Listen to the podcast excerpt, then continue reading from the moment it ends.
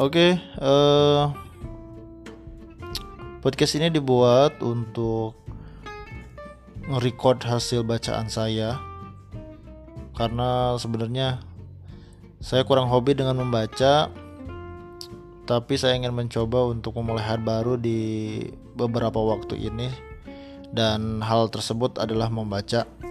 Dan mungkin ini juga saya dedikasikan buat teman-teman yang lain yang sebenarnya eh, males baca tapi ingin tahu isi dari buku gitu ya. Jadi makanya saya akan bacain beberapa buku yang eh, random aja sih nggak tahu buku apa aja saya coba baca aja lah.